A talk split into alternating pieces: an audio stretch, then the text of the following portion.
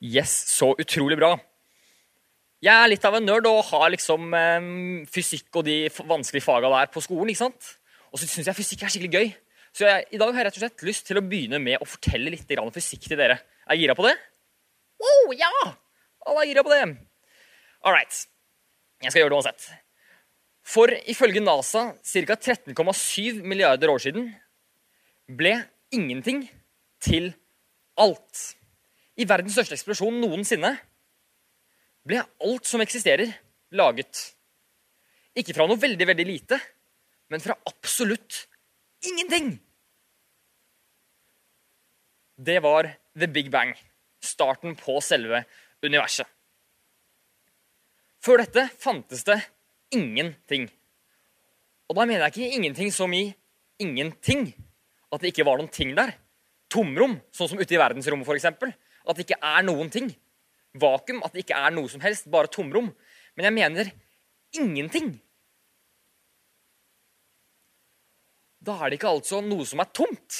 For skal det være tomt, så må det i det minste eksistere en plass hvor det ikke er noen ting på eller i. Men før denne eksplosjonen fantes ikke engang denne plassen. Det fantes ikke rom. Og uten rom, da kan det ikke skje noen ting. For da er det ikke plass til å bevege seg på, og da kan det ikke skje noe. Og hvis ikke noe skjer, så går faktisk ikke engang heller tid. Og dette skjønner ikke jeg, og det skjønner ikke du, og det er sikkert fint.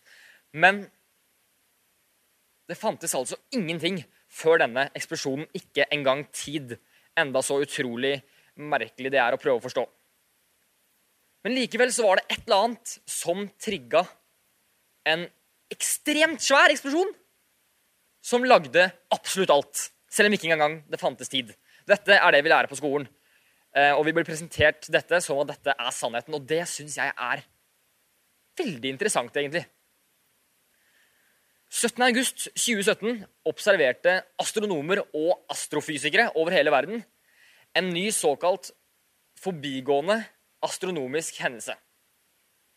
Og denne ble kalt en kilonova. For dette var en eksplosjon som var 1000 ganger større enn en supernova-eksplosjon. Som er den eksplosjonen som skjer når en stor stjerne dør. Det som skjedde i denne kilonovaen, var at to nøytronstjerner kolliderte i hverandre. Og dette var aldri blitt observert før. Og en nøytronstjerne det er en ganske så psycho ting. Alright, for dette er en, egentlig en ganske liten stjerne ute i universet, sånn målt i forhold til stjerner, da, som alle er ekstremt svære. ikke sant? Men det er en veldig liten stjerne i forhold til andre stjerner. Men likevel så veier den så utrolig mye. Den veier mer enn to ganger det sola vår veier. Og det er ganske sykt mye når den er så liten. Og det det her betyr, er at den får utrolig høy tetthet. Altså at den veier veldig mye på ikke så veldig stor eh, størrelse. Og det som er ganske kult, er Hold dere fast. Hvis du tar en terning, vanlig terning, sånn spillterningsstørrelse, ut av denne, altså én ganger én ganger én centimeter, så kan du prøve å gjette hvor mye den veier. Den veier ok, hold dere fast 1000 millioner tonn! 1000 millioner tonn! Det tilsvarer vekten av 1000 millioner personbiler. Og det, det er flere biler enn det finnes i hele, på hele jorda, i hele verden. Og det er ganske sykt når det er en sånn bitte, bitte liten terning som du vanligvis triller på bordet. Og da kan du tenke, hva ville skjedd om eh, en person kom og la en sånn terning i hånda di? Ville hånda di falt rett ned til bakken? Eller ville kanskje eh, terningen falt rett gjennom hånda di? Fasiten er ganske uforståelig. Fordi når noe får så høy masse, så får det også veldig stor gravitasjon. Sånn kraft som trekker deg mot den, ikke sant? sånn som jorda trekker deg mot, mot jorda. Så den har så stor gravitasjon at både du, den personen som la den terningen oppi hånda di, og til og med hele huset dere sto i, og kanskje store deler av byen det huset sto i igjen, ville blitt sugd rett inn i den lille terningen uten at den ville blitt noe som helst større. Det er helt sykt! Tenk på det! Og det er det som ville skjedd. Og ja, vi forstår, vi forstår jo selvfølgelig ikke det her, men det sier litt om hvor psyko mye krefter det er i den bitte lille terningen. Og da i hvert fall hvor ekstremt mye krefter det er i en sånn nøytronstjerne. Og det sier litt om at det er ikke rart at det ville skje en svær eksplosjon når to sånne nøytronstjerner kolliderte. Så dette var en ganske syk ting å observere for disse astronomene. Men det jeg syns er veldig interessant her, er at disse astronomene, som det er nevnt om i Illustrert vitenskap, som er et anerkjent eh, vitenskapelig ukeblad, de mener at denne kilonovaen var det største beviset, eller et av de største bevisene, på at the big bang er starten på universet. At det er den sanne forklaringa på hvordan universet ble til. Aldri før hadde de sett en så svær eksplosjon som kunne utrette så utrolig mye.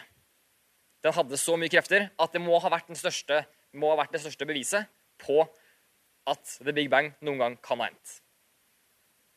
Og det jeg syns er veldig rart her, da, det jeg bemerker meg, er at i en kilonova, som jo er en ubeskrivelig enorm eksplosjon, men som vi likevel kan kalle en bitte, bitte liten utgave av Big Bang-eksplosjonen, først kunne skje når to nøytronstjerner, liksom verdens mest mind-blowing kraftbomber, kolliderte i hverandre. Husker hvor sykt mye krefter det er i de. Og når de kolliderte, da er det ikke rart at det skjer en enorm eksplosjon. Men likevel så mener jeg at det er det største beviset på the big bang som skulle skje når ikke noen ting fantes for 13,7 milliarder år siden, når det ikke engang fantes tid og rom.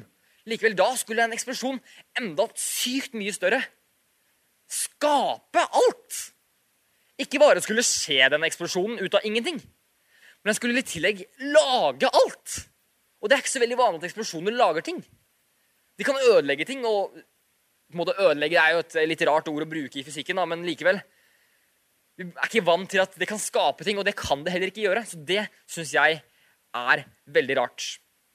Her er det rett og slett noe som skurrer. For det er ingen mulighet.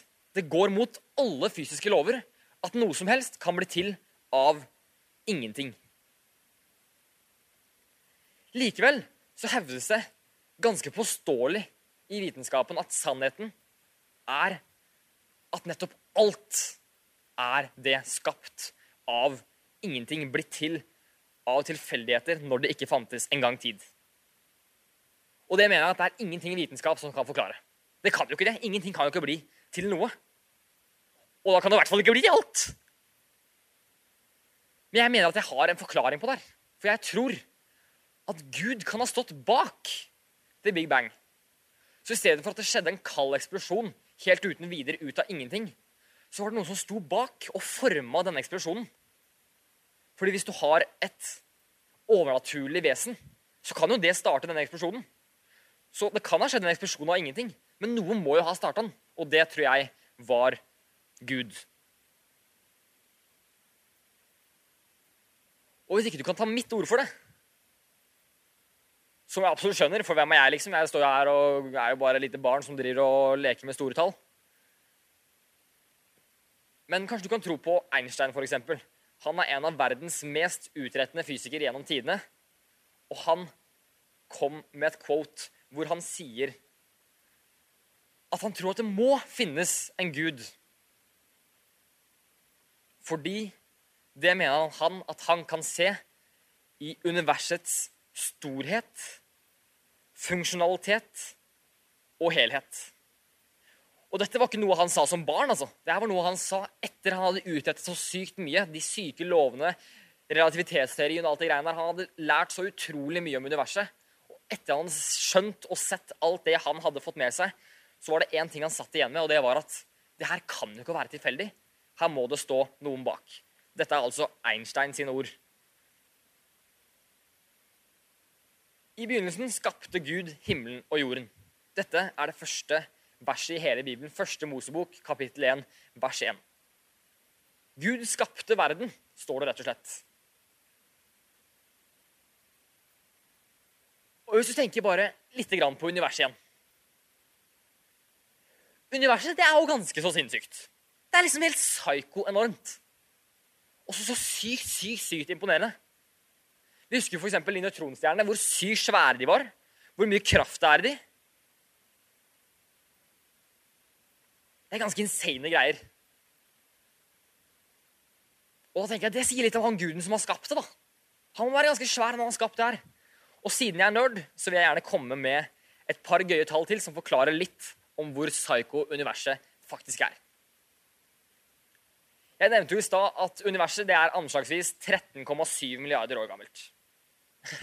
og det i seg selv syns jeg er ganske sykt tall. 13,7 milliarder år. Det er liksom Ja, jeg har ikke Ja, det er, det, er, det er, lenge, da. Det er ganske lenge.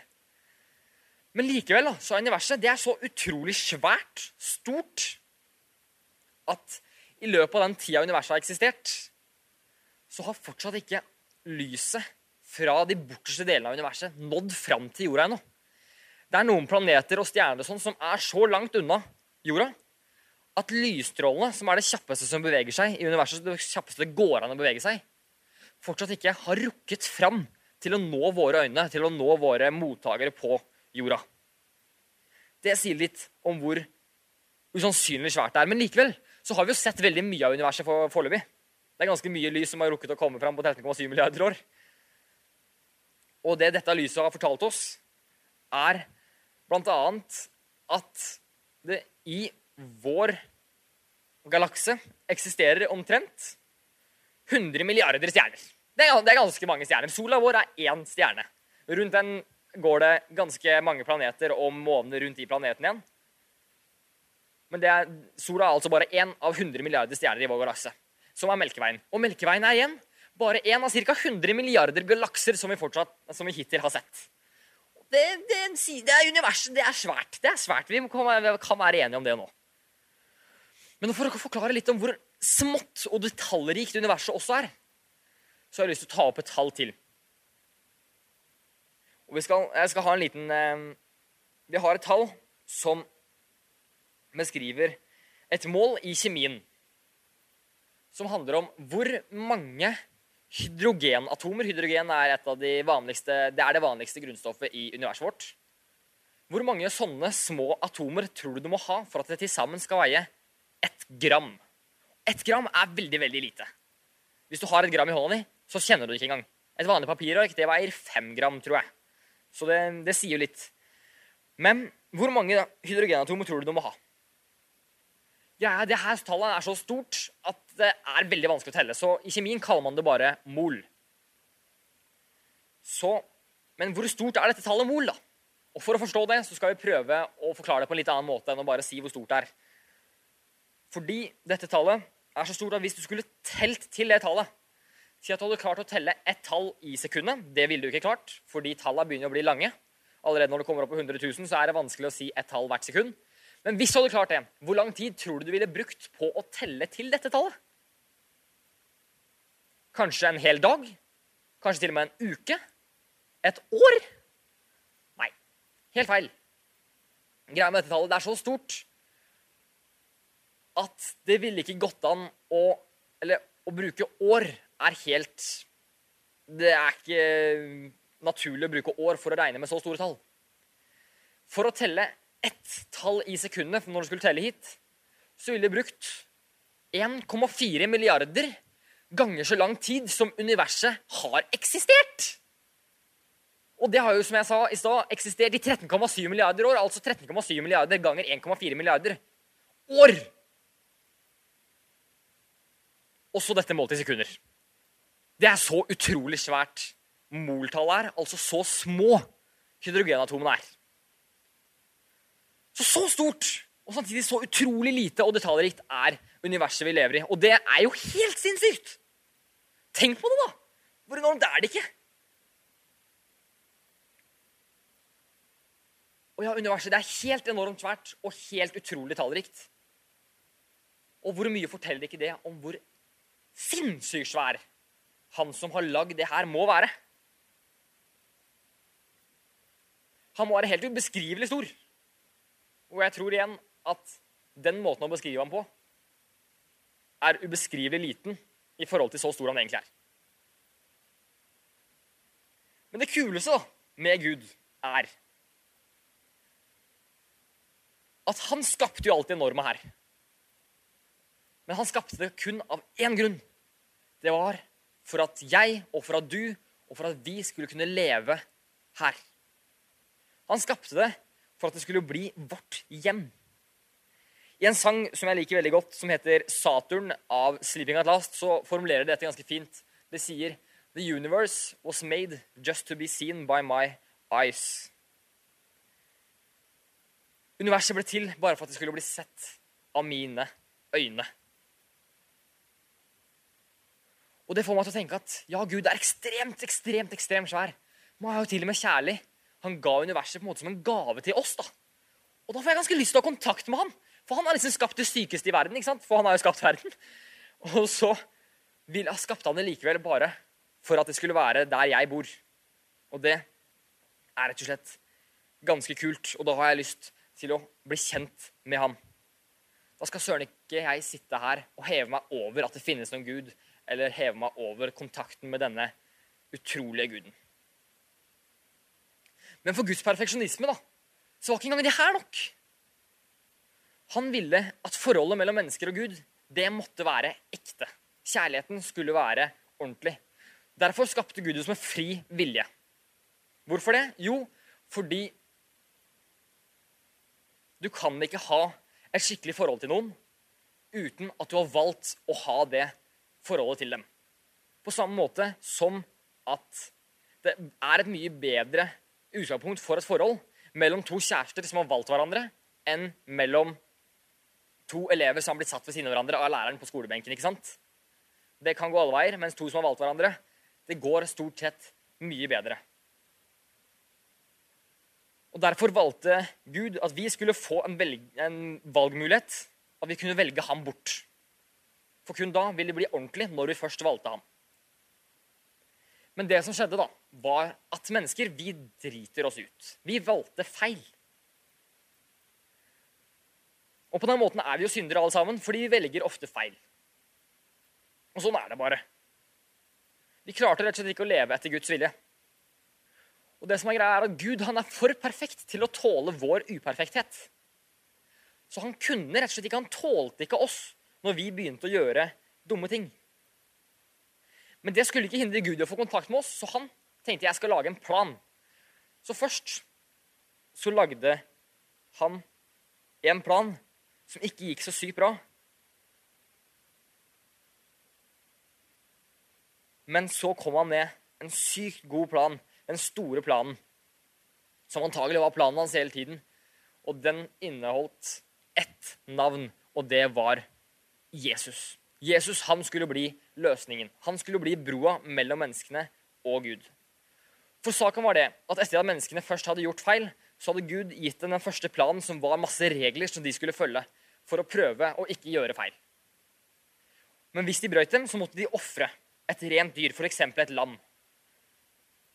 Skulle drepe det dyret for å gjøre opp for syndene sine. da. Men problemet med det her var at menneskene klarte jo ikke det engang. De klarte ikke å følge reglene. Og de klarte ikke engang å drepe mange nok dyr, for de gjorde så mange små feil små og store feil, hele tiden. Så dette ble rett og slett for vanskelig for dem. Så det Gud gjorde da, han sendte Jesus, hans egen sønn, ned til jorda som menneske. Og Jesus, når han var på jorda, så levde han et helt perfekt liv. Han er det eneste mennesket som noen gang har levd perfekt. Fordi han er både 100% menneske, men også 100% Gud. Og det skjønner vi ikke, men sånn er det. Og det som er greia var at Når han levde et helt perfekt liv, så blei jo han som et sånt rent dyr. ikke sant? Så det som skjedde, var at han skulle dø. Han ble drept. Han ble ofra. Han var 100 skyldfri og ble slakta for alle oss mennesker. Han var på en måte offerlammet. Og det som var greia var at siden han var helt ren og hadde levd et helt perfekt liv, så kunne det her gjelde for alle mennesker til alle tider. Så Gud han sendte sin egen sønn, og Jesus han døde han ble korsfestet. Det var en veldig smertefull og langsom drapsmetode. Og med det så tok han straffen for alle med seg i døden.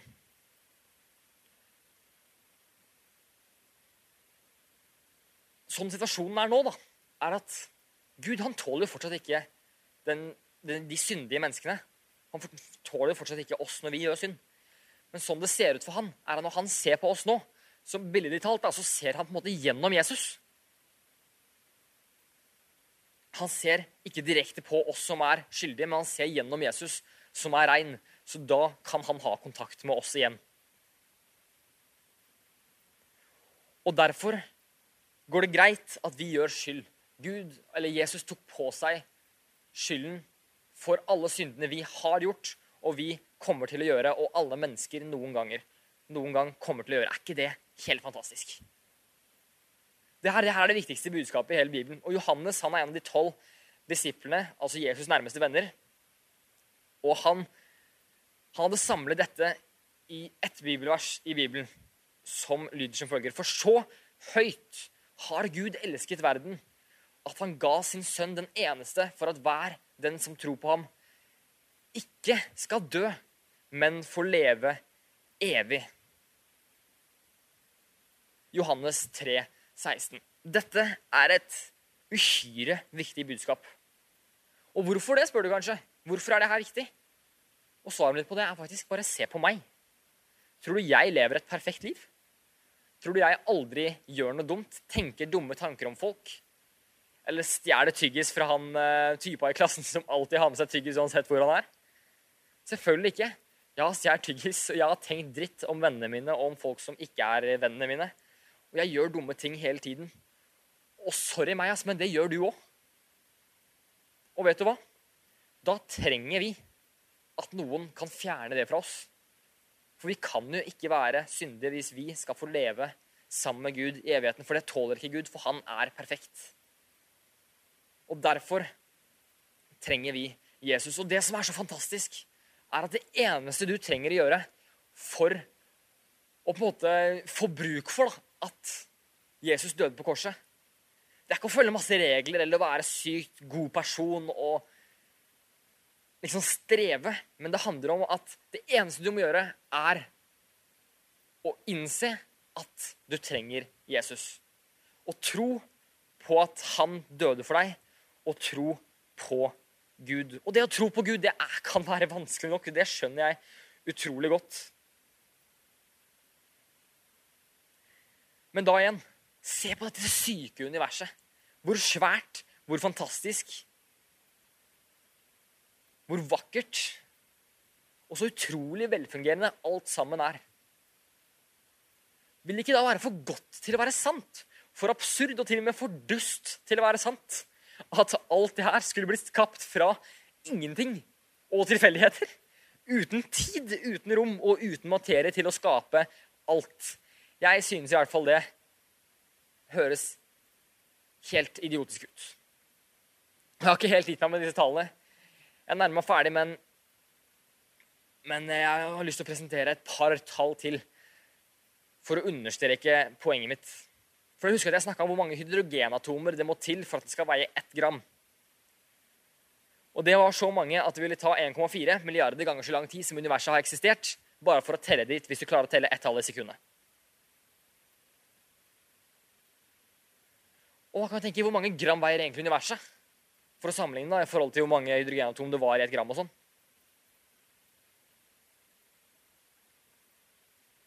Dette er et helt, helt insane tall.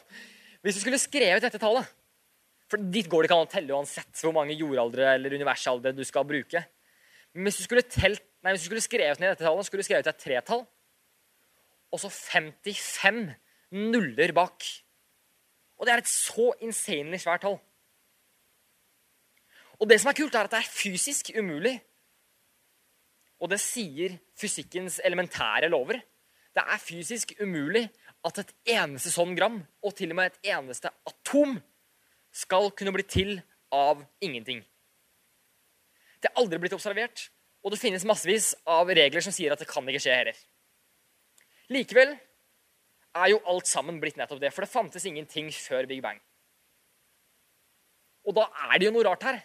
Men Gud satt det hele i gang, og da er det plutselig ikke rart i det hele tatt.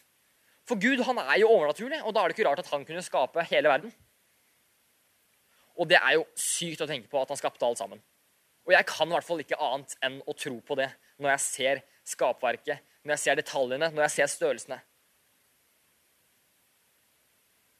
Og når jeg tenker det, når jeg tenker på det her, så tenker jeg Fy søren, og svær Gud er. Han der, han vil jeg ha kontakt med. ass. Jeg vil ha kontakt med han som skapte det her. Jeg vil kjenne han. Jeg vil søren meg ta en prat med han og lære litt.